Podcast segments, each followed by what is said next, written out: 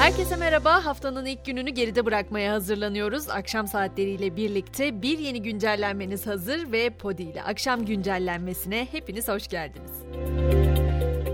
Bugün önemli bir gün çünkü Türk kadınına seçme ve seçilme hakkı tanınmasının 88. yıl dönümü.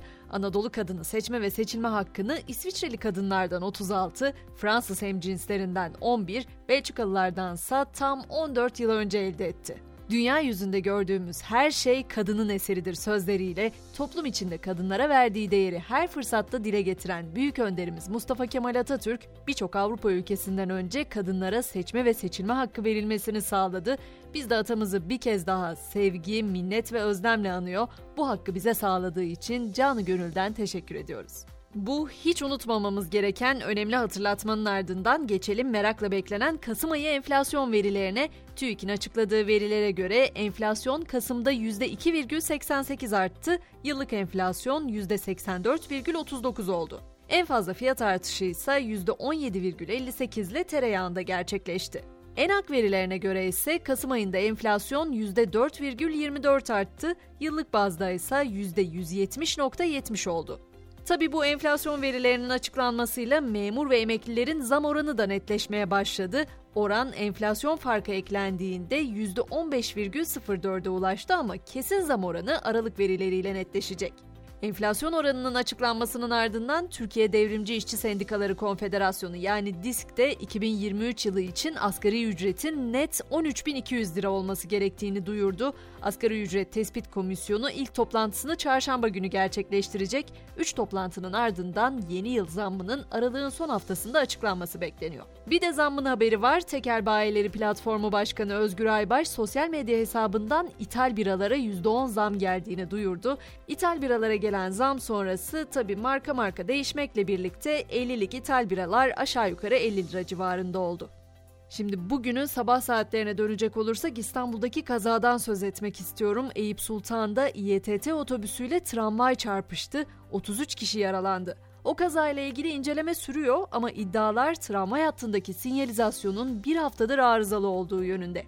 Bir başka kazada ise Özge Ulusoy babasını kaybetti. Model ve sunucu Özge Ulusoy'un babası emekli albay Haydar Ulusoy Ankara'da yolun karşısına geçmek isterken bir aracın çarpması sonucu ağır yaralandı ve kaldırıldığı hastanede de yaşamını yitirdi. Haydar Ulusoy'a otomobille çarpıp ölümüne neden olan sürücü ise tutuklanarak cezaevine gönderildi. Sınırlarımızın dışına çıkacak olursak Avrupa Birliği'nde konuşulan Rus petrolüne tavan fiyat uygulaması, işte Avrupa Birliği Komisyonu'nun karar verdiği o Rus petrolüne tavan fiyat uygulaması bugün yürürlüğe giriyor. Rusya'dan deniz yoluyla taşınan petrole varil başına 60 dolar tavan fiyat uygulanacak. Rusya ise petrol ticaretinde tavan fiyat kullanılmasını yasaklayacak mekanizmalar üzerinde çalışıyor.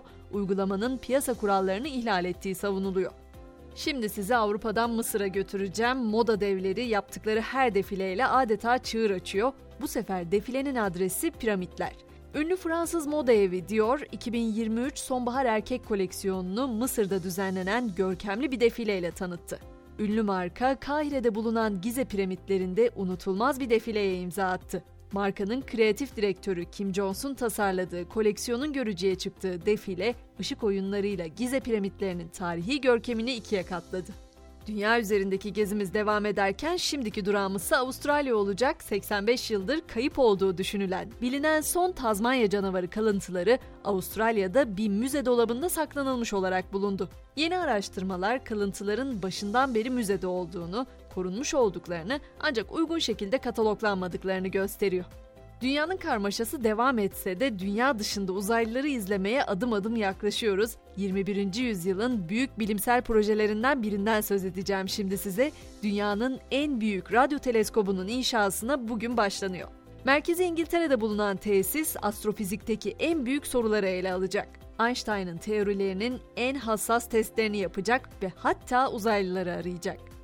Ve yılın transferi diyebilir miyiz? Bence diyebiliriz. Cristiano Ronaldo'nun yeni takımı Al Nassr oldu. Ronaldo, Suudi Arabistan'dan teklif edilen futbol tarihinin en pahalı sözleşmesini kabul etti. Al Nassr yıllık 200 milyon euroya 2,5 yıllığına Ronaldo'yu kadrosuna kattı. Bu da Portekizli yıldız futbolcunun 2,5 yıllık sözleşme için toplam 500 milyon euro kazanacağı anlamına geliyor.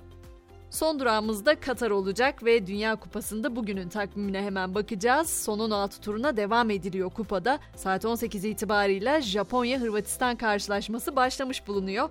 Brezilya ile Güney Kore'nin karşı karşıya geleceği mücadelenin başlama saati ise 22 olacak. Böylece akşam güncellememizin de sonuna gelmiş bulunuyoruz. Sabah 7 itibariyle ben yine burada olacağım. Sizi de bekliyorum. Görüşmek üzere. Herkese iyi akşamlar.